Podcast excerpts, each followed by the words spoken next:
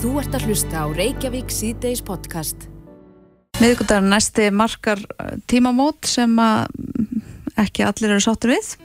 Hertar samkomi takmarkanir taka gildi eftir svo dag Já, sem þýðir að jólinn getur verið í uppnámi eða allavega aðdraðandi þeirra. já, eh, við veitum auðvitað að maður er búin að sjá auglýsingar undarfarnar vikur og eila mánuði að það er eh, fjölmargir jólatónleikar framöndan og alls konar svona hátíðarhaldi kringum jólin, ekki bara jólin sjálfheldur, bara aðdragandi jólana og aðvendan er mjög skemmtilegur tími og við vorum að allavega vonast til þess að þetta er ekki eins og í fyrra. Við erum ekki að fara að vera með einhverja jólakúlu vonandi þar sem við getum bara hitt og fáa en uh, nú er verið að herða klóna hérna innanlands út af uh, fjöldasmita. Og það má nú með sannig segja að jólatónleikar bakalúts uh, hafi fest sér sessi í aðdraðanda jóla. Ég veit um mjög marga sem eiginlega bara geta ekki sko, haldið gleðileg jól án þess að fara bakalút. Þetta er svona ómissandi partur af jólahaldi. Já, ég, ég segja alveg það sama uh, og þess vegna fannst okkur tilvalið að heyra hljóði í Braga Valdamarskóla sinni Bakalúti sem er enda líka formar félags tónskálda og textahöfunda. Góðan og blessaðan daginn. Jú, góðan og blessaðan daginn. Hvernig líður þér þegar að miðugudagur er nálgast? Sko, mér líður ekkit allt og vel, uh, vitandi að við erum hérna með, með uh, marg uppselda tónleika í Háskóla Bíó og svona uh, það stefnir uh, þessar nýju takmarkanir ná náttúrulega yfir allavega, allavega fyrstu helgina hjá okkur og, og vendarlega eitthvað meira. Og sem því það að við þurfum að gera alls konar alls konar ástafanir, raun og veru bara að lesa okkur í gefnu reglugerðir og finna út hvað við megum og hvað við megum ekki og, og húsin þurfa að fara í viðbrastöðu og það er að kalla út fólk og það er að hvernig, hvernig á að dempa öllu liðin í hraðpróf og hvernig það er framkvæmt og hvað það er framkvæmt. Hvað er þetta margir allt tónleikarbræði sem að, að, að það seldist upp hjá okkur núna? Sko við erum komin með hérna 16 tónleika Sölda, það var náttúrulega ekkert í fyrra og, hérna fólk bara orðið fyrst í að, að fara út og við fundum það bara strax og við settum þetta í sölu að við fórum mjög varlega af stað í ár en hérna það var eiginlega bara, já, það mm. seldist bara tónleikar eftir tónleika. Og það er nú bara almennt heilt yfir rosalega góð sala búin að vera. En um leið og þessi tíðindi koma þá stoppa svolítið salan og fólk verður varar um sig og er að, er að býða og þetta er sko við getum kannski ekki hvort að mikið við þurfum bara að finna út hvað við erum að gera en, en, en bara fyrir sko bransan í heild þá er náttúrulega bara allt búið að vera botfrósið í núna tvö ár að verða og, og það er lífspursmál fyrir mjög marga að komast af stað og desember, november og desember eru bara stærstu mánuðinir hjá tónlistafólki, það er bara þannig. Mm Hvernig var þér við þegar að þetta var tilkynnt fyrir helgi? Var, var þetta eitthvað sem bjóst þegar myndi gerast? Ég bjóst ekki við að þetta færi svona hratt uh, og hérna, maður held að þetta myndi núna halda, fólk er bólusett, fólk er hérna, já, tví og þrý bólusett, það er náttúrulega uh, stund að ég gefa örfuna skamt á, maður er samt svona eiginlega hættur að búast við að gera ráð fyrir nokkur sköpunum hluta því að þetta náttúrulega er búið að loka ansi oft áður og opna, þannig að Mhm. uh, við erum náttúrulega bara að hlýta því sem, sem uh, búðum og bönnum en, en þetta er svona, það er alveg eins og bara hérna tónleikahaldar að hafa uh, og bara leikhúsin og allt þetta við hafa bent á að það er alveg styggs munur á að sitja út í sal og vera svo bara á, á skrallinu uh, fram eftir nóttu. Þetta er alveg það er alveg munur þarna á. Já. Og eins og segi það, það má vera núna með uh, 1500 manns sem til þess nægir til að svona, uh, fyrir langt með eldborg til dæmis. Þannig að uh, þetta er hægt en þú veist, fólk þarf náttúrulega bara að hjálpa stað og, og hérna, það er líka sko sko hraðprófin hafa eiginlega ekkert verið nýtt í þessu mikið.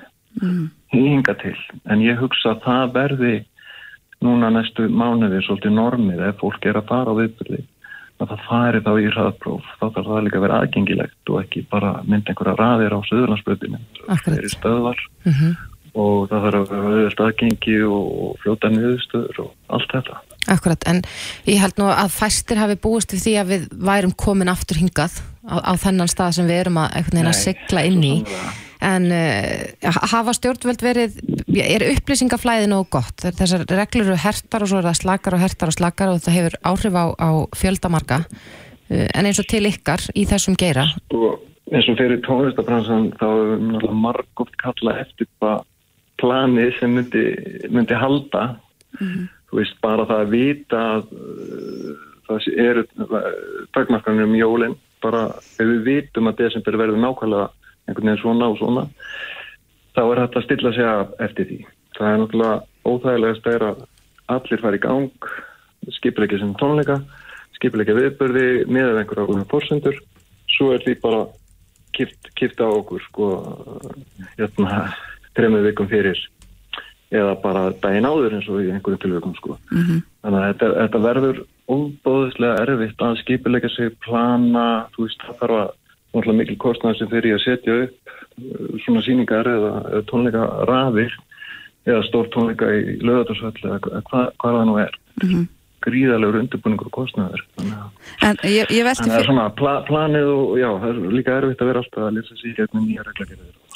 ég mitt velti því fyrir mér hvort þið fáið einhverja aðstóð við það. Það er að segja, núna þurfum þið að fara í ákveðna endurskipulagningu, fáið einhverja aðstóð með hvernig sé best að haga þeirra endurskipulagningu, til dæmis að varðar hraðpróf og, og, Já, og það, það er eiginlega það sem kemur í ljós núna bara í vikunni, hvort við fáum raun og veru aðstof við þetta alltaf því að, eins og segi, bara þessi hraðpróf, það er rosalega óskýrt hvar þau eiga að vera, eiga þau bara að vera á söðlarsbrytinni, verða þau bóðið út um allt, þú veist, uh, það er allt þetta sem okkur vantar eiginlega upplýsingar um, veist, best væri náttúrulega að þetta væri líka bara á staðin og hérna bara viðkomandi tónleikastað, fólk kæmi það bara samdægur stangað, væri prófið, sækja með hana sína, eitthvað slíkt. En hérna, þe- þetta er held ég ekkit rosalega að einu alveg segja það.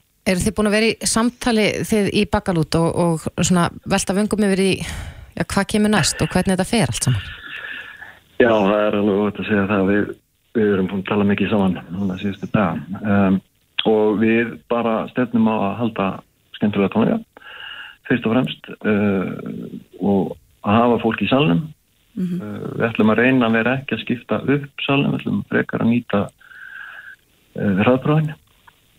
Um, og hérna, að því að fólk er bara eins og við sáum, það er bara fyrst í að, bara fá smá skemmtun og og hafa gaman og, og ég, ég held bara fólk það bara passa sig. Við bara tristum á það og hérna ég held að það sé nummer 1, 2 og 3 að, að bara að það passi sig allir og hver fyrir sig svolítið sko. Og hérna við séum bara tillitsum mm -hmm. annað Eh, Þú erum mikill orðarsnillingur og vantilega komið löngu leið, með leið á því að fólk sé að heimta þeim einhver nýjirði um hitt og þetta? En það er spurning hvort þú þurfur ekki að búa til einhvers konar ný, nýjirði um þessa þeitivindu sem að þessi bransi er búin að vera í síðustu mánuði? Já, bran, bransa undan. Já, ég, eins og segir, ég- hérna, það, e, sko, bara listgeirin núna er, að það er eiginlega alveg búið að slá, slá allar mátt úr, hérna, sviðslistunum. Það er bara, En nú, það nú, hólir ekki, ekki meiri, hérna, meiri svona óvissu og bara það sé bara ekki hægt að vinna vinna sinna. nei, en þetta er líka orðin svo langur tími og uh, við heyrðum auðvitað svona tónin í, í listamönnum og, og, og fleirum hérna, eh, ég held að hafa nú bara verið fyrra að stjórnvöld hafa kannski ekki nægilega vel komið til móts við sjálfstætt starfandi og, og þá sem er í þessum geira. Nei, Það var náttúrulega almennt úrræði sem uh, hérna listagerinn hefur getað nýtt sér að það hefur bara hreinlega ekki alveg nýst. Þetta er svo skrítin bransi. Þetta, er, veist, það er erfitt að sína fram á tekjur í framtíðinni nú bara, bara sem svo að hérna, þú sést uh, bara einhver ung stjarnar sem ert að skjóðast upp á stjörnuhiminin á einhverju ári uh, og það verður á, ætti sem öll að vera þetta stærst ár. Þá getur ekki sínt fram, fram á það tveimur árum eftir í tíman hérna tekjurna þínar af. Skilur, það er alls konar, það er svo erfitt að, að, að setja nákvæmar krónutölur og, á þetta umhverja því að þetta er svo fljótandi og, og svífandi allt saman. Mm -hmm. og, og þú veist, fólk er, að, er bókað einhverja tónleika þegar maður aflýst og getur ekki. Ásáttíðirnar, bara allar þessar samkomur, þetta er, þetta er alveg svakalegt, þetta er talið saman sko. Já, einmitt það. Við vonum að þið bakalútsmenn náðu allavega greiður ykkar málum og, og... Já, við verðum allavega einir það bara hérna på sviði og haldast eitthvað. Ég held að aðdándu minn ykkar finnst það ekkert vera. Já, já. En Bræði Valdemar Vonum það besta. Já, já, við vonum það besta svo sannarlega. Bræði Valdemar Skúlason bakalútur og formæður félags tónskálda og textahönda Takk hjálpa fyrir spjalli Minnstamáli Þú ert að hlusta á Reykjavík C-Days podcast. Við höldum áfram í Reykjavík C-Days uh, inn á ríkis, uh, vef Ríkisútarsprins í dag byrtist frétt Það sem er talað um að alvarlegur læknaskortur geti skapast hér á landi á næstu áratugum samkvæmt spálíkani sem að Læknafélag Íslands eh, hefur látið gera. Einmitt það. Og þetta er nú ekki eh, kannski ný umræða en eh, mönnunar vandi á landsbytarunum hefur verið mikið til umræðu mm -hmm. og ekki bara læknar heldur hjúkunarfræðingar, sjúkrarleðar og þarframstu götu. Einmitt, það verðist vera stór breyta í þessum vanda sem stæðir á landsbytarunum og hefur reyndar verið á landsbytarunum mm -hmm. undanfallna mánuði og ár. En á línunni er Reynir Adgrísson, formaður Lækna félags e, Íslands. Góðan og blessaðan daginn. Já, góðan daginn. E, þetta er nú ansi, þetta er ansi dimm framtíðar sín. Já, hún er það. En hún er líka þannig að við getum haft ímislegt til að breytinni. Mm. Þetta er bara eina sviðsmyndun sem er dregin upp og við getum haft áhrif á hana. En það er alveg rétt sem kom fram hjá okkur þarna. Við höfum verið að velta fyrir okkur mönnunavanda og þegar við sjáum að Íslands samfélag eh, getur ekki fungerað vegna þess að það vantar heilbreyðstarfsfólk og það er alþjóðlega samkeppni um heilbreyðstarfsfólk. Þannig við fórum að velta fyrir okkur sko, hvað mun gerast á næstu árum og áratugum þegar að þjóðin fyrir að eldast eins og það kallað, að hlutfall þeirra sem eru 45 ára og eldri og er svona hópur sem þarf meira á læknistjónustum að halda heldur en þessum yngri eru. Og uh, við vildum bara sjá svona hvernig þetta leti út og okkur brá svolítið við það og, og erum að velta fyrir okkur hvað getum við gert En þið talum að alvarlegur læknaskortur gæti skapast eru er þið með tölur á því sko, hversu, margir, hversu marga lækna þurfum við? Já, já sko við, höfum, við sjáum að við erum með 1700 læknastarfandi á Íslandi í dag og það hefur verið að bætast verulega í núna af yngri læknum hjá okkur mm -hmm. sem hafa verið að fara í sérná sem er svona grundvöldur fyrir því að vera sjálfbær með læknafjónustuna en það hefur verið lítil breyting eða lítil fjölgun í uh, sérfæðingahóknum þar að segja þeir sem eru, eru er þar. Og þar vantar, þar vantar inn hjá okkur uh, sérfæðilegna og eh, við lítum svo á og við sjáum að það er stór hluti íslenska lækna sem að hefur farið ellendis í sérnám sem að er ekki að skila sér heim til Íslands mm -hmm. og, og þá þurfum við að velta fyrir okkur hvers vegna er það og hvernig getum við brugðist við e, í því og, og svöri sem við höfum verið að velta fyrir okkur fyrsta lægir en að byggja upp sérnámið hérna á Íslandi eins og hefur verið að gerast núna eiginlega frá síðustu 5-6 árum með góðum árangri mm -hmm. og svo líka heitt hvernig getum við bætt starfsaðstöðu lækna þannig að hún verði eh, aðlaðandi eh, og menn vilji koma heim hún verði mm. sambarileg við það sem að býðst það sem að uh, íslenski læknar er að starfa ælendis mm. En ef, ef allt fer á verstaveg, ef við gefum okkur það hvers konar skort á læknum er, er um að ræða samkvæmt ykkar spálíkani segjum bara til 10, 20 eða 30 ár Já, við höfum ekki farið niður í það að gera þetta niður á sérgrina. Við getum bara litið á hvernig staðan er í dag. Mm -hmm. Við sjáum það að það vantar heimilisleikna. Það er ekki allir sem eru með sinn heimilisleikni í dag. Það eru margir skráðir á helsukjöldstöðvar og býðin eftir heimilisleiknum er laung og uh, oft á tíðum eins og við höfum séð og heilt. Það eru bygglistar í ymsar aðgerðu hjá okkur í dag uh, vegna þess að það hefur vantað sérfræðilegna starfandi í ofinbæra kerfinu og það hefur ekki verið viljið til þess að nýta önnur úrræði sem við getum gert. Uh, við höfum vitum líka að í öðrum sérgreinum eins og til dæmis nýrnalækningum hefur verið viðvarandi vandi. Það eru í, í skurðlækningum í dag eru læknar að koma frá Svíþjóð til dæmis í hjartaskurleikningum og æðaskurleikningum að því að við höfum ekki mannskap hérna heima sem hefur verið reyðubúin til að ráða sig eða, eða selbreyðstofna hafi ekki vilja ráða þannig að, mm -hmm. að, að við sjáum þetta nú þegar en hvernig þetta muni þróast og hvar þörfin verði mest er, er svolítið erfitt að spáum en, en við erum að skoða það. Já. Það er ekki langt síðan að Björn Rúnar Lúðvíksson yfirleiknir ónæmisfræðadeildar landsbítalans benti á það að það vanti meiri áherslu og kraft frá yfirstjórn spítalans ef að megin markmið hans á að vera að vera háskóla sjúkrós í fremsturöð. Uh, tengist þetta saman? Þurfum við að leggja meiri áherslu á, á að, að til dæmis uh, ungir læknar geti farið í sérfræðinám hér og, og hafi kvata til þess? Já, ég held að, ég held að hann hafi hitt naklan á höfður, hann byrður húnar í þessu, í þessu öfni, að, að við höfum verið að, að efla með hérna á Íslandi en það þarf að fylgja því fjármagn og við verðum að horfa til þess að, að hluti af með lækna eru eru vísindi og rannsóknir að þegar við gerum kröfur um það sem grunnfærni læknins í dag að hann geti lesið og skilið rannsóknar neðustöður við sjáum það nú bara eins og COVID-faraldir að það er að byrtast uh, hérna, vísindagreinar og, og læknar verða geta átta sig á því hver og, og skilið kjarnan frá hispinu mm -hmm. þannig að við þurfum að, að geta bóðið upp á þetta og spítalinn hefur kannski ekki haft burði til þessu undarföldum árum að styðja við uh, kennsluna þessu leiti allavega uh, sem, sem eru vísindil og rannsóknirnar og, og heldur ekki, hefur heldur ekki haft tryggt fjármagn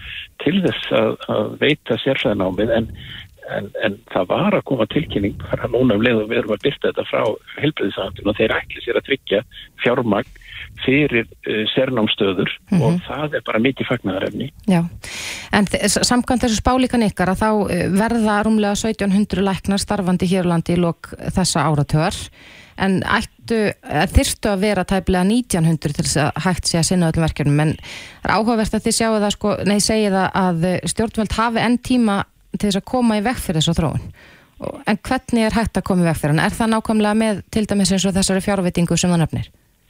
Já, það er, það er að tryggja sérnámið að gera það. En ég held líka til að reyna að gera þess að þarf að bæta starfsastöðu og það held þessi líkilatriði að ljúka þessum svo kallega meðfæri að kjarna sem alltaf verður að tala um og að búið að vera lengi byggingu. Uh, núna horfið svo við að það verðist ekki eins og alltaf klárast á þessu kjörtjánabili og það er náttúrulega algjör neysa og er því nýðurlega fyrir þjóðina og, og í rauninni fyrir stjórnmálastjettina ef ekki tekst að ljúka meðfærakjarnana núna sem búin að vera í byggingu svo árum saman mm -hmm. að, að klára það á næstu fjórum ára þannig hægt sé að bjóða upp á viðunandi starfsanstöðu uh, fyrir, fyrir starfsfólki heilbriðstjettum mm. en þó mestum verðt fyrir sjúklingana sem að, sem að, að njóta þjónustunar. Mm -hmm. Þannig að í raun er, eru yfirvöld með öll gögn sem þau þurfa á að halda og þurfa bara að spýti í lóna. Já, það má ég alveg segja það, uh, en ég held að þau þurfi líka að tala við okkur lækna eða okkur sem erum í forsvari fyrir lækna og, og lækna samtökin og háskólan mm -hmm. og, og, og kennarana í læknaða deildinni til þess að fara yfir þetta þannig að það er svona samhenda án takk í þessu og við séum öll að toga í sömu áttina. Það hefur kannski svolítið vantað á undanfjöldum árum. Já. Spilar háskólinn stórt hlutverk þarna? Þurfum við reynilega að fara að útskrifa fleiri lækna úr Háskóla Íslands? Sko, það hefur akkurat verið svo þróið núna. Við höfum verið að færa okkur og útskrifast. Já, fyrst var það 36 og fórum 48 og núna er komið 60 lækna eh, sem við erum að gera. En það er takmark fyrir því hvað við höfum eins og staðan er í dag pláss inn á til dæmis landsbytunar með sjúkrásun og akkur er í fyrirleikna í grunnnámi bara upp á að hafa námstækjafæri, starfstækjafæri og, og geta þjálfa færni mm -hmm. en á móti hefur komið líka við erum að það eru íslenski leknanemar að útskrifast ellendis frá sem og það er eiginlega að jafnstór hópur eh, eins og vera útskrifast hérna á Íslandi Já. og þetta lítur að vera umhugsunarefni hvort að þetta sé rétt þróun að, að, að að eh, íslenskir nemar þurfa að fara ellendist til, til að læra þetta eða hvort að við höfum að reyna að breyta þessu hérna eitthvað hjá okkur. Það Akkurat. er umræða sem háskólinn verður að taka. Já, en við skulum vona að eh, já, það verði hægt að snúa þessari þróun við. Reynir Argrímsson, formadur Læknafélagsins. Takk kærlega fyrir þetta. Já, takk fyrir. Þetta er Reykjavík C-Days podcast. Jæja, við höldum áfram hér í Reykjavík síðdeis. Já. Við, uh, ég held að þetta mál hafi byrjað svona eiginlegin á Twitter þar sem að einhver uh, sagði frá því að ungur maður, uh, bróður viðkomandi sem var að tjása þetta á Twitter hafi ekki geta nálgast niðurstöður COVID-prófs sem hann fór í vegna þess að hann var ekki með rafræn skilriki Mm. uh, og hann einstaklingurinn getur ekki sótt um þau vegna þess að það er gerð krafa um að hann geri það án aðstóðar og síðan þá hefur verið talað svolítið um þetta, ríkisúttarpi hefur hans verið að fjalla um þetta og uh, það eru dæmi um að fólk með þroskahamlun hafi ekki aðgangað bankareikningum vegna þess að þau eru ekki með rafræn skilriki Já, það er nú svolítið sláandi, finnst mér. Já, við var auðvitað hérna áður áður en að rafræn skilrikin eru svona alls ráðandi Mm að þá voru við auðvitað með hann ísleikil -hmm. sem var vinsæll á tímbili En er hann alveg dóttirinu fyrir? ég held að hann sé ennþá til sko Ég veit En- nú ekki ekkur við erum að velta vöngum þegar að það situr hér maður sem getur svarað öllum þessum spurningum en það er hann Andri Heiðar Kristinsson Heiðar Kristinsson, starfætt leiðtói í fjármál og efnaðsaröndu en hann er mættur, góðan daginn Komið sælar. Já, það er góð spurning kannski að byrja á bara er ísleikillin alveg dóttinu fyrir? Hann er ennþá í nótkun en, en rafrann skilur ekki eins og við þekkið þau í farsíma. Þau eru auðvitað miklu meira nótku í dag en það eru þau ör, örugari. Mm. En það er alveg rétt eins og þau voru að segja náðan að það eru auðvitað gríðarlega mikið hagsmunamál að allir þjóðfélagshópar geti nýtt sér þessa stafnum þjónustu. Ég meina við erum að sjá mikla breytingu á stuttum tíma bæði hjá opinberum aðlum eins og við erum að vinna að en ekki síður í enga geranum að, að allir þjóðfélagar, fallaðir, aldraðir, þeir sem að, hérna, eru heyrnaskertur og svo frammeðis og frammeðis, allir þessir hópar verða að geta nýtt til stafn og þjónust til fulls. Þannig að það er mjög leiðilegt að heyra af þessum dæmum og, og ég held að það sé alveg klart mál að það er hægt að gera miklu betur fyrir þessa hópa í stafrunum málum heldur en að gert er í dag. Akkurat.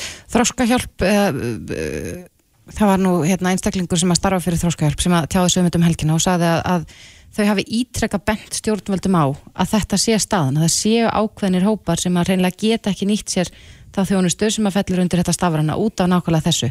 Uh, Hvers vegna hefur svarun ekki verið kallað?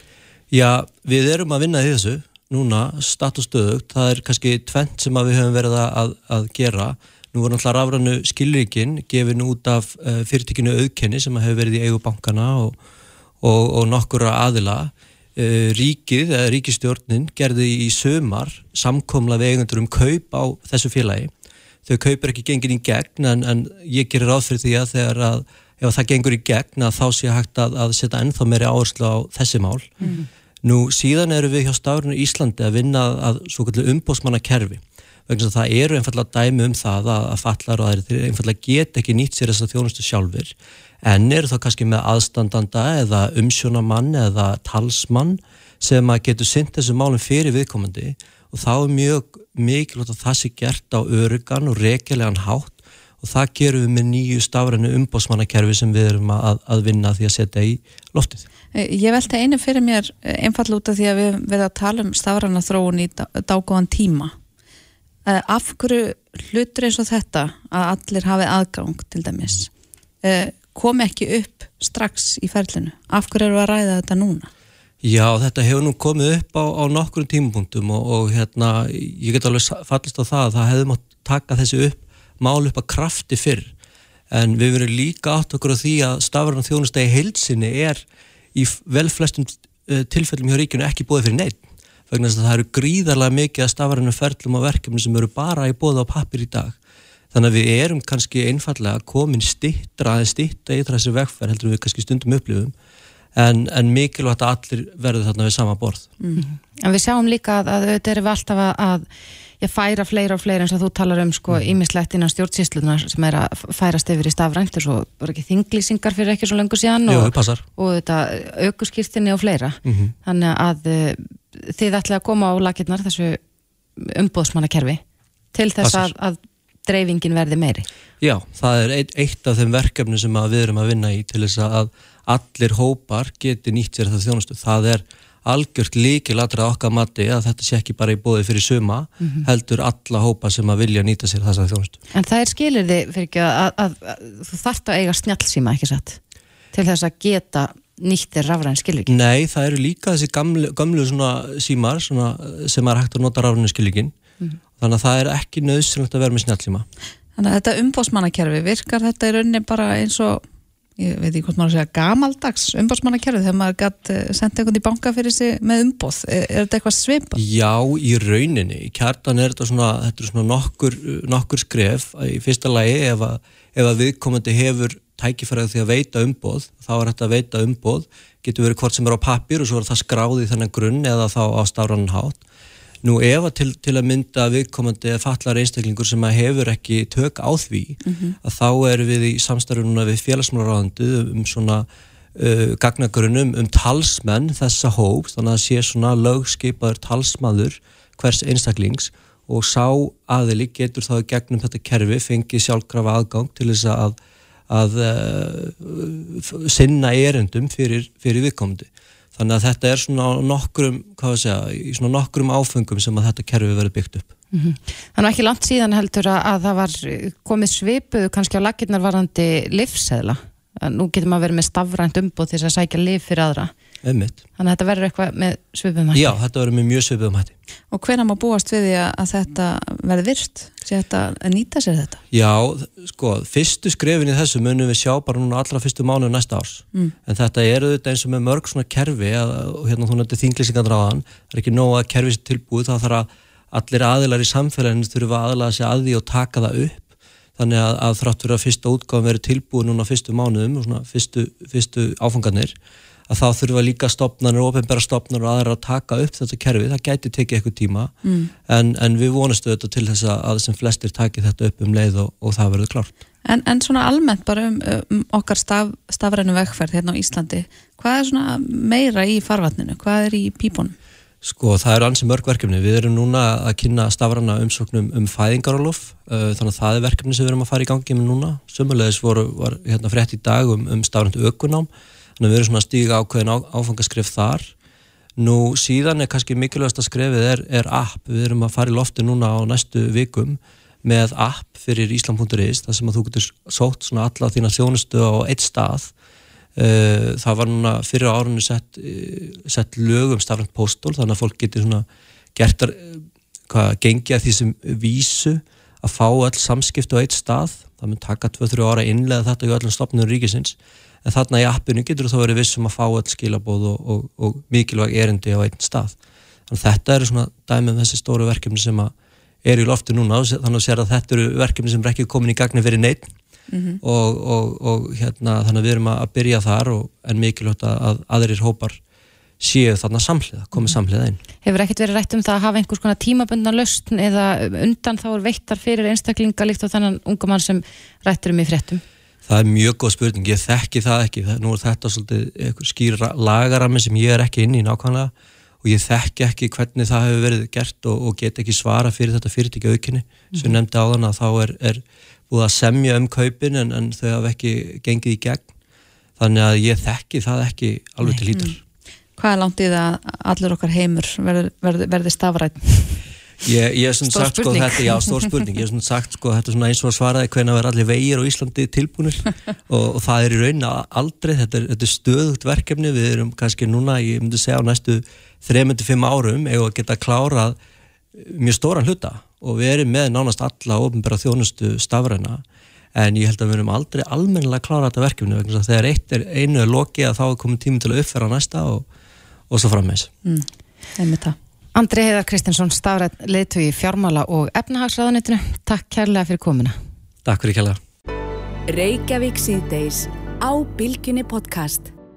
Já, uppbyggilega réttvísi gæti verið gott úrræði til að eiga við brot utan dómskerfis þetta sá hún Marget Valdimarsdóttir ágróta frængur og dósend í lögreglufræði e, í Reykjavík síðdeis í sístu viku. Já, og hún talaði svolítið um þarna að, að þetta er, ætti, ver, ætti að vera eitthvað svona sem að eh, ja, stjórnvöld setja álakinnar.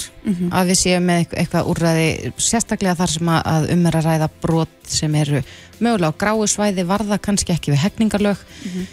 Uh, engin dæmi svo sem þar en, en það eru ímis mál sem eru já, fela í sér einhvers konar uh, hegðun sem er ekki ásættanleg Einmitt. og að þarna væri hægt að mögulega að viðkomandi þólanda finnst á sér brotið að, setjast niður á sínum forsendum og komast að einhvers konar sátt. Já, einhvers konar sátta miðlun Já, áhugavert, en það er spurning hvort að þetta er gerlegt innan kerfisins. Eh, Þorbjörg Sigriður Gunnlaugsdóttir þinkona viðreistnar, þú ert sest hér verður velkomin. Um, þið vantar eh, smá mikrofón svo, ok, svona, en þá indislegt Þetta er betra. Hvað segir þú við því? Eh, er þessi leið gerleg hér? Eða þarf mikið að gerast til þess að hægt sé að byggja upp einhvers konar sátta miðlun í þessum brotum?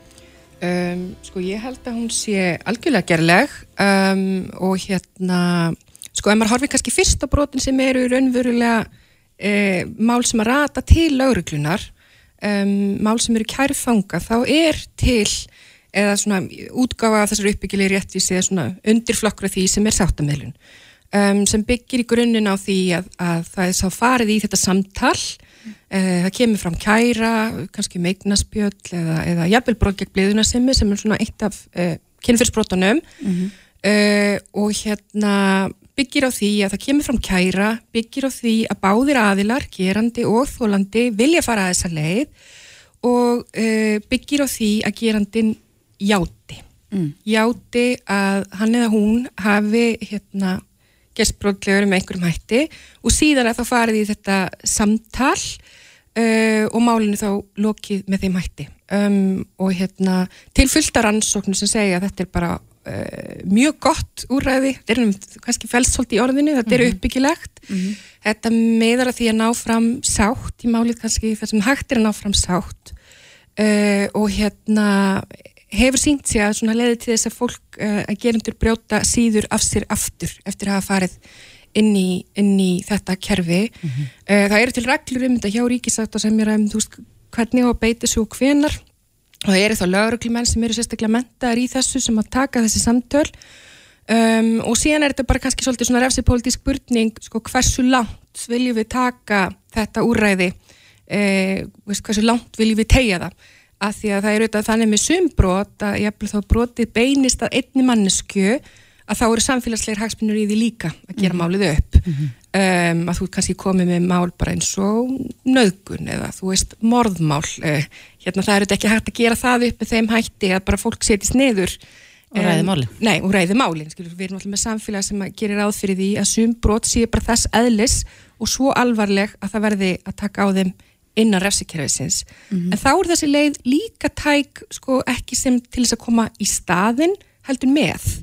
Uh, til dæmis og hérna ég, ég þekki það nú aðeins að því ég var í, mikið í kynferðsbrotamálum uh, áður en ég fór inn á þing og þá heyri, heyri maður svo oft og sér svo oft að uh, þólendur þau fá auðvitað ekki og aðalega þær, þetta er náttúrulega gegnum gangandi stelpur og konur uh, í þeim málum sem hafa verið að fara fyrir dóm fá ekki viðurkenninguna fá ekki þetta klósju sem felst í því að gerandin viðurkenni uh, hvað hann eða hún gerði uh, skilningin á því hvað þetta gerir annari mannesku og svona einhvern vilja til þess að hérna gangast við því. Þannig að þú veist, meiri sig þeim málum sem að líka með dómi að þá, þá vantar þetta alltaf. Og það væri auðvitað hægt að útfæra einhvern mekanisma í svoleiðismálum að segja sko samhliða refsingunni og samhliða afplánunni þá býðst þetta, getur það kannski verið til refsulækunar eða hvernig það er. Um, en við höfum ekki verið að nota þetta eða hefur ekki verið notað þannig í íslensku kerfi. En hvað þyrst að gerast til þess að, af því að með við það sem við heyrðum hérna fyrir helgi að þá er þetta líka í einhverjum tilfellum sko heillavanlega fyrir þólendur og, og, og margar talaðum að rannsóknum síndu að þólendur síni sko minni áfallastreitu eftir svona eh, þessa sáttamidlun heldur en ef að, ef að brot fara í gegnum dómskerfið Já, þá er þetta aftur spurningin sko, erum við notað í þeim málum sem það kemur bara í staðinn fyrir? Eða erum við að, veist, taka einhver mál út úr kerfinu? Eða skilja, erum við að gera þetta samhliða eða erum við að gera þetta í staðinn? Af því þarf fyrir svona alvarleiki málana e- að skipta máli, veist, það væri þetta að gera þetta samhliða þá. En svona varandi þessi mál sem þið voru að ræða þá svona kannski einhver markatilvik eða mál sem að ná ekki þeim þröskuldi að vera orðin sko sakamál. Að vera orðið hegningalega brot. Og þá er þetta virkið með öðrum hætti að þetta sé þú veist engamál en ekki sakamál. Eitthvað sem að batteri sem kannski félagsmálaræðandi geti sett upp um, og væntalega þá sömu sjónamið, þú veist að báðir aðalar þurfa að vilja þetta, hafa veist, aldur og þroska til að skilja e, það sé einhver viðurkenning. Og þá held ég þetta geti orðið e, geti vel virkað. En ég bara benda á að þetta er líka til innan refsakerfisins og virkar óbúslega vel um, til dæmis til þess að taka á afbrotum ungmenna. Um, svona klassísk skólabókadæmi um þetta er kannski eh, ungmenni sem að brýtur rúðu í sjöppu mm -hmm. við staðan fyrir að fá, fá sekt hjá löggunni að þá he- heitir hann búðaregandan og sér raunverulega tjónið um, sem hann hefur valdið og hérna þarf að, þarf afsökunar. byggast afsökunar, jafnvel bara taka tvær þrjá vaktir í sjoppinu og er bara mjög ólíklegur til að endur taka þetta um, en eins og ég segi, þetta er bara spurningum hvers, hvernig, hvernig samfélagi velur að forma sér þetta.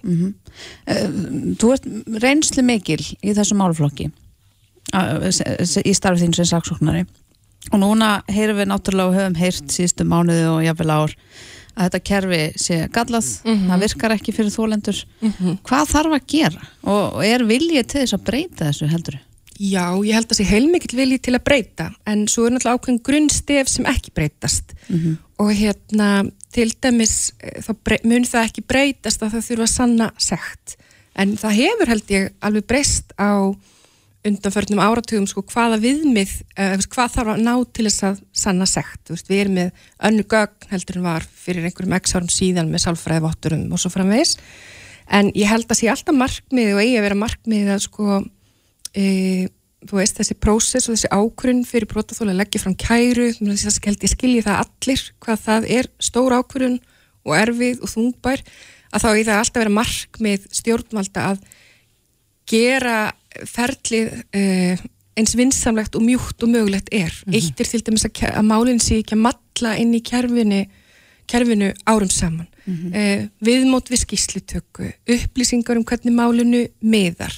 Uh, þú veist, það er alls konar svona atriði sem að geta hérna, hjálpa til að því ég held uh, og ég var svo sammálað því sem að Margrét sagði að það er ekki alveg rétt að það hafi ekkit gest og það er ekki alveg rétt að það sé algjör stöðnin þarna en hérna auðvitað, veist, eru þessi mál hérna, veist, þeim, það eru þetta bara staðreind að þeim vegnar ekkit sérstaklega vel innan kerfisins en maður horfir á sko ákjörðu hlutvall um, og hérna en eins og ég segja að, að það verði að, veist, leitast við að hérna mæta þessum sársúka sem alltaf er í, í sögunum hjá brótaþáli með því að viðmótið og allt þjónusta og vinnubröð séu fagleg og hröð.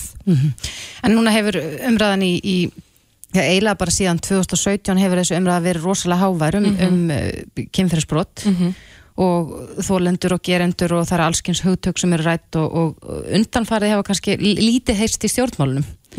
Hvað þetta varðar, nú hefur þingi genn komið saman og við erum vonumstöld til þess að það fara að gerast sem fyrst, Já. en heldur þú að þetta verði rætt á komandi þingi? Já, ég myndi að segja mér að það er alveg aktíft samtali gangi á vettfangi stjórnmálana til dæmis varandi veist, hvert er hlutverk uh, lagana, þú veist að skilgrina nýbrót og svona. Um, við höfum til dæmis innan viðreistnar verið að taka upp mjög reglupundi við dómsmálar á þeirra um, hvernig má það vera að það gerist aftur og aftur og aftur að dómar í landsrétti í málum þar sem að sakvilling hefur nást fram?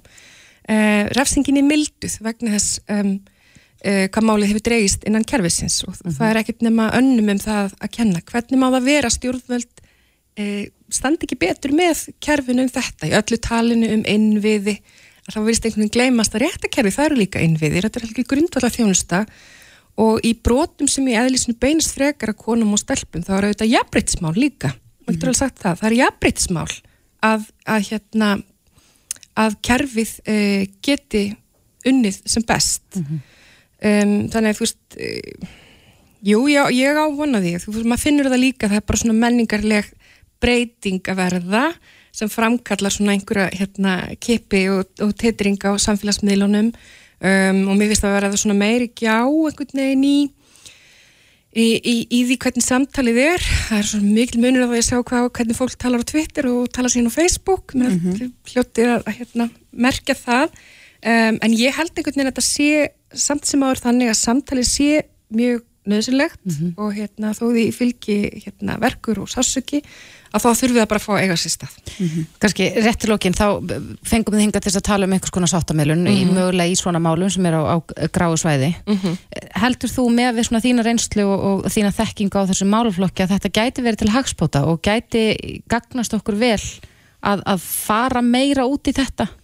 Bara heiklaust, ég held að sættir síðan alltaf bara í hérna öllum málum, hvort sem það eru bara sko erjur á milli fólks eða svona þegar sem er einhver brotiru, mm -hmm. auðvitað alltaf vinnu góðu að geta lokað málum og lokað þeim raunverulega með uppbyggilegum hætti og síðan bara heldur lífið áfram. Um, þannig að það þurfti kannski bara að finna útfæslun á því hvernig á að eiga við mál sem eru ekki skilgreint uh, sem brot í skilningi laga af því að það er þetta heldur ekki þannig að það hefur ofnbæri getið ferða að taka til sín fólk uh, og, og látið að fara inn í einhvern feril fyrir eitthvað sem ekki er uh, broti skilningi í lagana sko. mm. þannig að það þarf að byggja því að báðir að eða vilja svona, en ég myndi líka vilja tala fyrir því þetta er því notað meira uh, innan, innan löggjæslunar mm. og þannig er þetta ekki, ekki hérna ekki bara að tala um, um kynfyrsbrotina því það eru svona ákveðin element þar sem að gera það kannski verkum að það er flóknara, til dæmis ekki alveg gefið að brota þóli vilji það mm. en hérna í alls konar mál mm. Er þið farið að klæði puttana að standa aftur ræðstól alþingis?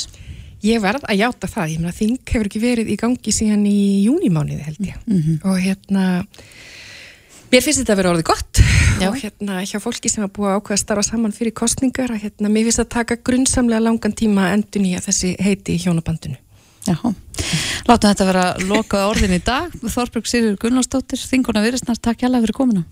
Takk fyrir mig. Reykjavík síðdeis á bylginni.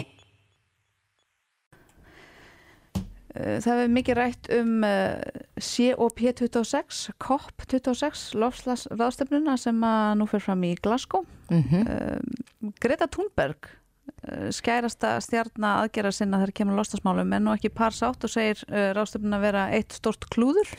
Já og svo voru, voru þúsundir mótmælanda sem að, að, að gengum götur Glasgow um helgina mm -hmm. til þess að krefjast sterkari aðgerða í loftasmálum þannig að það er greinilegt að það er ekki allir á, á eitt sáttir um það hvernig þetta er að ganga fyrir sig. Einmitt. Og við Íslendingar eigum nú þó nokkra fulltrú á rástefninni þar að meðal forman ungra umhversina, Tinnu Hallgrímsdóttur. Og Tinna er á línunni.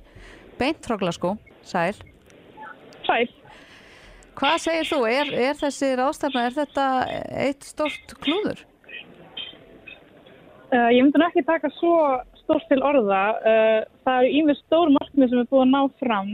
Um, til dæmis var leittófundur í sænustu viku, mánda og þriðdag og þar komið fram mjög mikilvæg markmið til dæmis að hætta skóur og landeyðingu fyrir 2030 og mm. þannig erum við með um 85% af, af skólendi heimstein sem er undir þar, það var það mörg ríki sem að skrifið undir. Mm -hmm.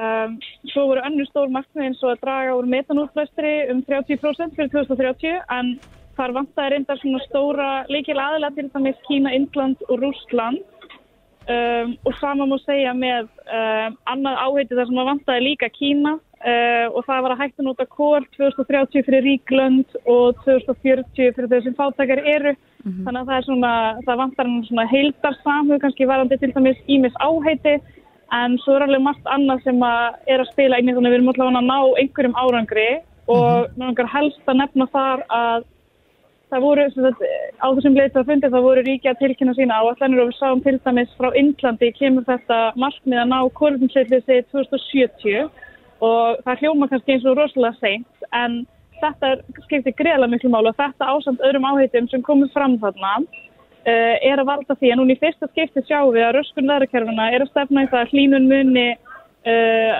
enda í svona 1,8 gráði þannig að við erum í fyrsta skipti að fara undir þetta 2 gráði mark Já, og, þið, uh, og það, við hljóttum að fagna því. Við hljóttum að fagna því, þó það sé náttúrulega ekki þessi einu og halva gráða sem við vitum að er bara nöðsileg, við megum ekki fara yfir það, við erum allavega að færa það eins neðar sem er greiðlega jákvæð. Akkurat, en eh, nú eru allskynns, eh, það eru lofvorð eins og þú talar um hérna, þú taltir upp á þann varðandi, já til dæmis varðandi að stöfa skóareiðingu og fleiri þeim dúr, en, en svo þurfa menna að standa við stóru orðin. Hvernig er hljóðið í fólki aðna? Eru, eru allir á eittur sko bjart sínur um að, að þetta muni fram ganga og þessu markmiðum verði náð?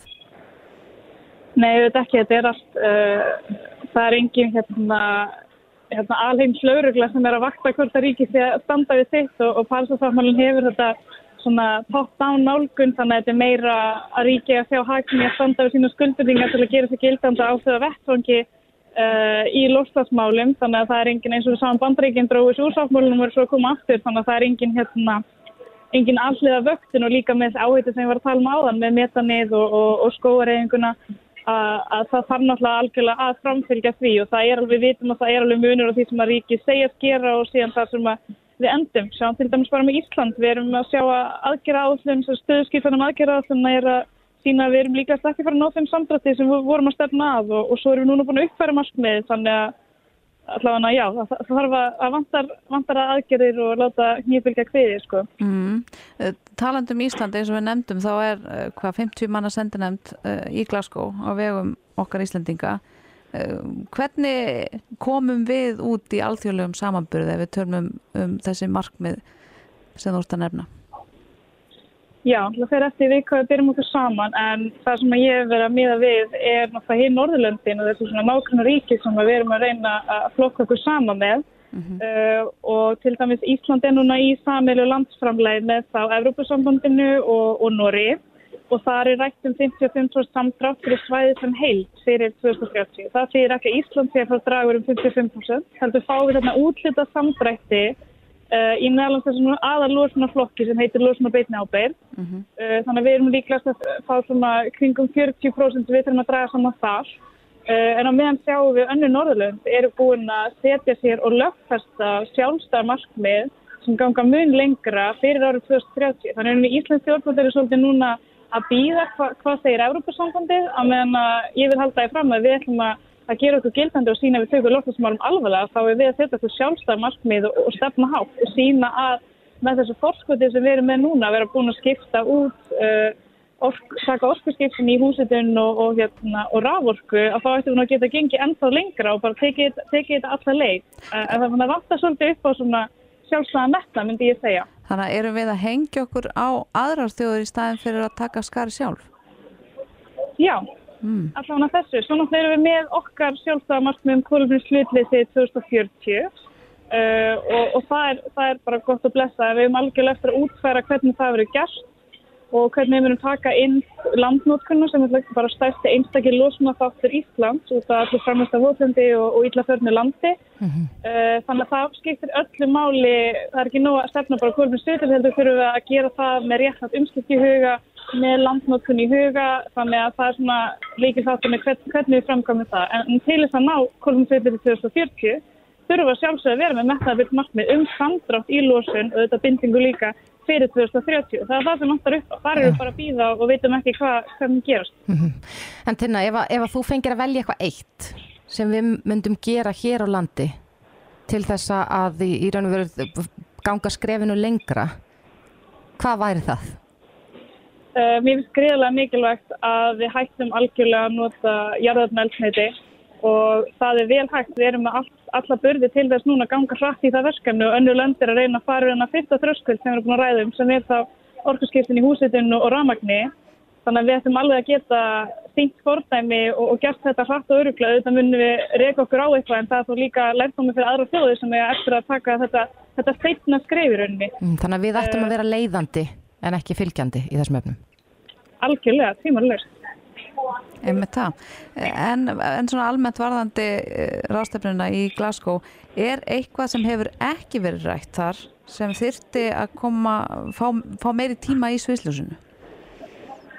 Uh, það náttúrulega bara eftir að klára að útfæra einmisatri og það sem er greiðilega mikilvægt er að við séum þessi, þessi ríkari viki sem hafa verið að losa mikið uh, séum þá aðstóða þau sem að eru komin sittra í innvæðingu og, og efnaðar stróin mm -hmm. við að, að aðlagast lofnusbreytingum og þeim áhrifum sem eru unni við uh, aðra þjóðu, kannski Ísland ekki svo stórt í því sammingi en bara höfum, höfum valdið mm -hmm. og svo þarf að komast að samkomlagi um atrið sem var samtitt í Parísunni bara seinustu stögunum þar og hefur svolítið verið beðið með að klára sko mm. og það er að búa til nattrænan uh, kólefnismarkað skipti á, já þannig að þetta er svona, þetta er mikilvægt atrið og ég mun búast við að fólk muni vera alveg fram á, fram á nótt sko, fram á seinustu dagana að klára þetta og, og, og ráðstefnan hefur alveg áður dreigist á langin þannig að þetta verður Mm. Ég myndi að stefni það líka núna en við sjáum bara hva, hvað gerist. Já, uh, Tinna, tíminn er aðeins að hlaupa frá okkur en svona rétt í lokin, ertu bjart sýtni nú en áður en þú fórst ekki sko, um, um, um framtíðina þegar við tölum um lostasmálin? Uh, já, að vissu leiti. Ég algjörlega, sérstaklega finnst mér þetta að við séum að ná að- að takmarka hlínun ef, ef að ríkið standa við sitt við þá 1,8 gráði. Það, það skiptir greiðlega miklu máli. Uh, það er strax, en, svo einmitt hvernig við gerum það og hvernig við ætlum að aðstofa önnu ríki að horfa á þetta sem nastrænt vandamál en ekki bara eigin hagsmunni hvers, hvers ríkis að sleppa sem best eða, eða hjálpa öðru sem minnst. Mér finnst það skipta bara öllu máli hvernig, hvernig við förum aðeins og ekki bara draga úr lósin þetta hvað ætlum við að gera og hvernig við að aðstofa þeir sem að þurfa að taka nöðslega skref og, og, og tryggja félagslega jöfnu í öllu þessu ferli. Þannig að það, það er svona það sem ég er að býja eftir að sjá raungerast algjörlega. Einmitt. Uh, Tinna Hallgrímsdóttir formar ungar umhverju sinna, takk fyrir spjalli og góða skemmtun í Glasgow. Takk hérlega fyrir. Bless, bless. Bless. Þetta er Reykjavík C-Days podcast. Í dag er dagur gegn einelti, þar sem barist er gegn þessu samfélagsmeini sem hefur nú fengið að grassera og er alltaf í umræðinni.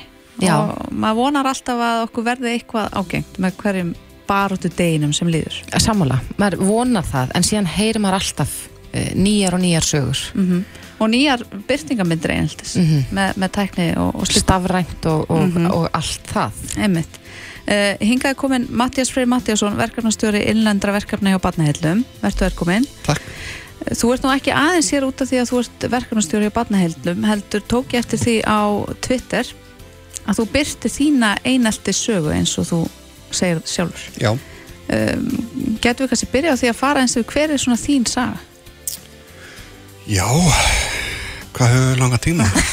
uh, saga mín er í raun og veru óskup einföld. Ég atna, verð fyrir einelti í alla mína grunnskólagöngu, meira og minna, Mm. uh, sem félur í sér alls konar byrtingarform eineltis. Uh, ég sem betur fyrr uh, ólst ekki upp á tímum það sem að samfélagsmiðla voru við líði. Ég er atna, fættur 1980 þannig að, að sá ángi samfélagsins var ekki til staðar. En svona líkanlegt ofbeldi, andlegt ofbeldi, útilokun, útskúin einhvers konar uh, sem að einhvern veginn gerði það að verkum að, að já, ég, ég var svona til hlýðar í, í jafningahopnum sko. Mm. Þá, þá þetta gerðist engungu á skólalóðin eða líka utan skóla? Eh, bara líka utan skóla sko. Ég man eftir þess að eins og ég segi ég aðna saga mín er engin sorgasaga sko, bara taka það fram sko. Uh, og ég uh, hef horfi ekki á æfina mína sem einhverja debur sko. En, en það er þannig að ég held að ég hef 11 ára ammali mitt þegar það mætir engin skiljiði og eitthvað slíkt sko. Sem, þú veist sem er erfitt á þeim tímapunkti. Það er erfitt að upplifa sig vera einhver staðar ekki hluti af jafningjáfnum sko. Og þarna og, og, og það sem að gerir kannski gerði hlutina kannski enn erfiðari var eh, þú veist hvernig skólasamfélagið einhvern veginn tæklaði hlutina sko eða tæklaði ekki hlutina Akkurat. En nú eru, eh, þú talar um 11 ára amalið, þannig að það eru tæp 30 ár síðan að það átti sér stað ef ég er að reikna rétt. þú veist að reikna rétt Er það ekki? Jú, jú. Og þarna, en, eh, sko, þú starfar í þessu, þú starfar hjá barnaheilum. Mhm. Finnst þér munur á samfélaginu, umræðinni og, og sko, hvernig tekið er á svona málum þá og nú? já, það það er ekki nokkuð spurning sko Mhm. uh, En erum við að gera nóg? það er svona uh, þegar ég er að alast upp að þá var orðið einelti varla til ég held að ég ekki það að ég ætla að gefa einhverjum öðrum heiður en fremur um annars sko en það er bara svo stert í minningunum þegar Páll Óskar byrjar að tala um það á nýjunda, nýjunda ártöknum að, að hann hafi orðið fyrir einelti og þá einhvern veginn svona byrjaði ég að tengja við það sko. Uh, og, og svo í kjölfari kemur Stefán Karl fram og, og með regnbóðabötn og allt það með sína fræðslu. Uh, þannig að á undanfjörnum árum hefur og það ke- kemur reglulega upp uh, hvaða leiðir eru hægt að fara til að stemma stigu gegn einhelti og ég held að uh, öll umræða er jákvæð og það fetar okkur lengra inn í svona hvað ég segja, betra samfélag ef við orðum það þannig. En svo eru náttúrulega bara ímis verkefni og námsefni sem að eru til standa bæði grunnskólum og leikskólum og, og foreldrum til staðar sko. eins og til að mynda það sem að við hjá barnaheilunum er, erum með sko.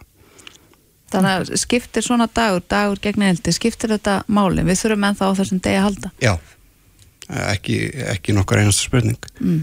uh, því að þetta einelti er til staðar í samfélaginu uh, við þurfum óskup einfallega að fara svolítið í rótina og, og, og í grunninn og, og sjá til þess hvað, horfa á það hvað er einelti uh, út af hvað gengur það uh, hvernig getum við unnið á því og hvernig getum við sem samfélag unnið á því Mm. En eins og, eins og þú, alla þína grunnskólagöngu, mm -hmm. þú fyrir einelti, Mhm. uh, varstu bara fann að samþykja það? sko Er hægt að tala um að venjast því? Sko það er hægt að ég ætla að sé ekki það eru ymsa leiðir hvernig fólk tekst á við e-mails áföll sem það verður fyrir í lífinu. Mm. sumir fara inn í skilina sína og bara loka sig af þar. Aðrir fara kannski ólátt í að aðna, reyna að sækja sig viðurkenningu og aðtekli einhver staðar. Ég fór kannski frekar þá leið heldur en hitt. Uh, var mjög óþálandi einstaklingur. Og þarna aðtiklisúkur og, og og fyrirferðar mikill uh, hvort að ég hafi vanist ástandinu? Nei, ég get ekki sagt það sko. En, en eins og ég sagði kannski í byrjun uh, þetta er reynsla sem að gera það að verkum að ég er sá sem að ég er í dag sko.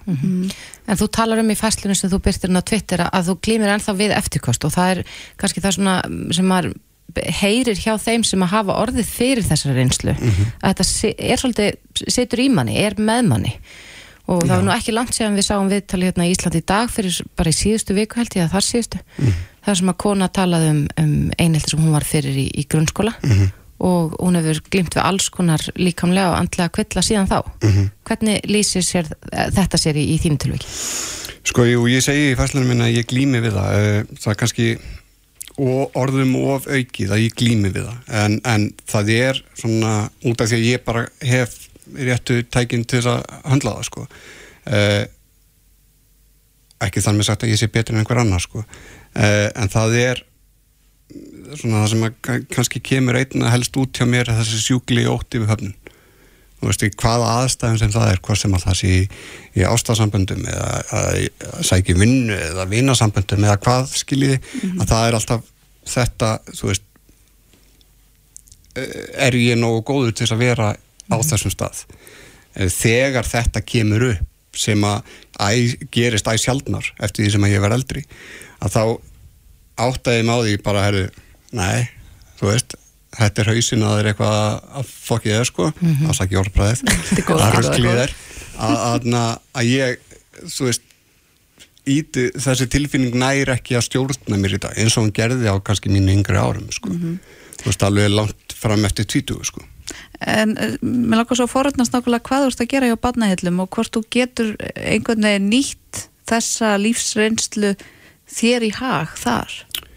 Já, klálega. Eh, Ég semst er verkefnastjóri innlendra verkefna á barnahælum og meðal annars er ég að taka þátt í að vinna í Vínáttu sem er námsefni fyrir leik og grunnskóla og frístundaheimili. Vínátta gengur er forvarnar verkefni sem gengur út á að við erum að nálgunna hvernig við nálgunst einhelti. Við horfum á það sem svona samfélagslegt mein og samfélagslega hegðun, við erum ekki að gera uh, gerundur eða, eða fórnalumb úr aðstæðanum uh, ábyrðin er hjá hennum fullornu það er ekki ábyrð batnana hvernig, hvernig samskipta minstri hefur komið upp.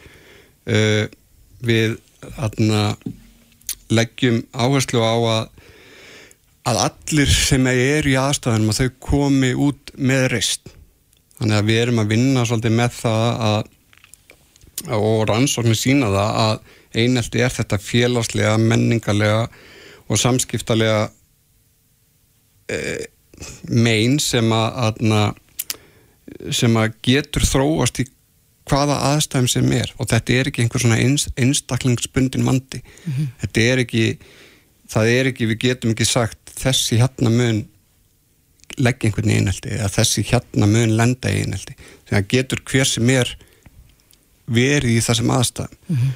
Bara út í hjá eftir því að þú talar um að þetta er, uh, þetta er ekki ábyrð barnana mm -hmm. heldur fullorðina Já. Uh, er það algengt að, að fóreldrar ja, kannski neyti að, að ekki neyti, eigi erfitt með að takast á við það ef að barn þeirra leggur einhvern annan í einhelti það sé erfitt að, að er tækla vandan út af því að þú kannski trúir, trúir sér ekki upp á batnið þitt eða ser þetta í öðru ljósi mm. þurfa fólkdrar að vera já, opnir fyrir því að, að ræða þessi mál Sko ég, ég ætla svo sem ekki að hlæfa um fólkdra en, en ég hugsaða bara sem fólkdri sjálfur Ma, maður, hverjum þykir fuggslinn fagur og allt það mm -hmm. að maður svona, ef maður heyrir eitthvað um batnið sitt, skilur að þá sérstaklega ef það er innan gerðsalap eitthvað neikvægt að þá svolítið svona að breggsmaður aðeins við því en á sjálfsögðu þurfa foreldrar, kennarar, allir aðrir að vera, þeir sem eru í kringum börn og vinna með börnum og sjá um börn, að vera mótækilegi fyrir því að aðstæði geta verið þannig að, að það sé einhver hérna samskiptalegu vandi sem að þurfi að tækla mm. skiljiði. Getur við einhvern tíman útrýmt einelti? Við höfum trú á því eins og með vináttu og með blæ sem að er sagt, tákmynd vináttu, mm -hmm. blær bánsi að með því að nýta efnið sem að námsefnið sem að þar er að þá hefur við trú á því hjá barnaðilum að, að grunn og leikskólar og starfsfólk, foreldrar séu þarna komið námsefni í henduna sem gerir það verkum að að innan var fara á ára séu við komin að skapa samfélag sem að einelti allavega er í láginni ef við getum orðað þannig. Mm. Já.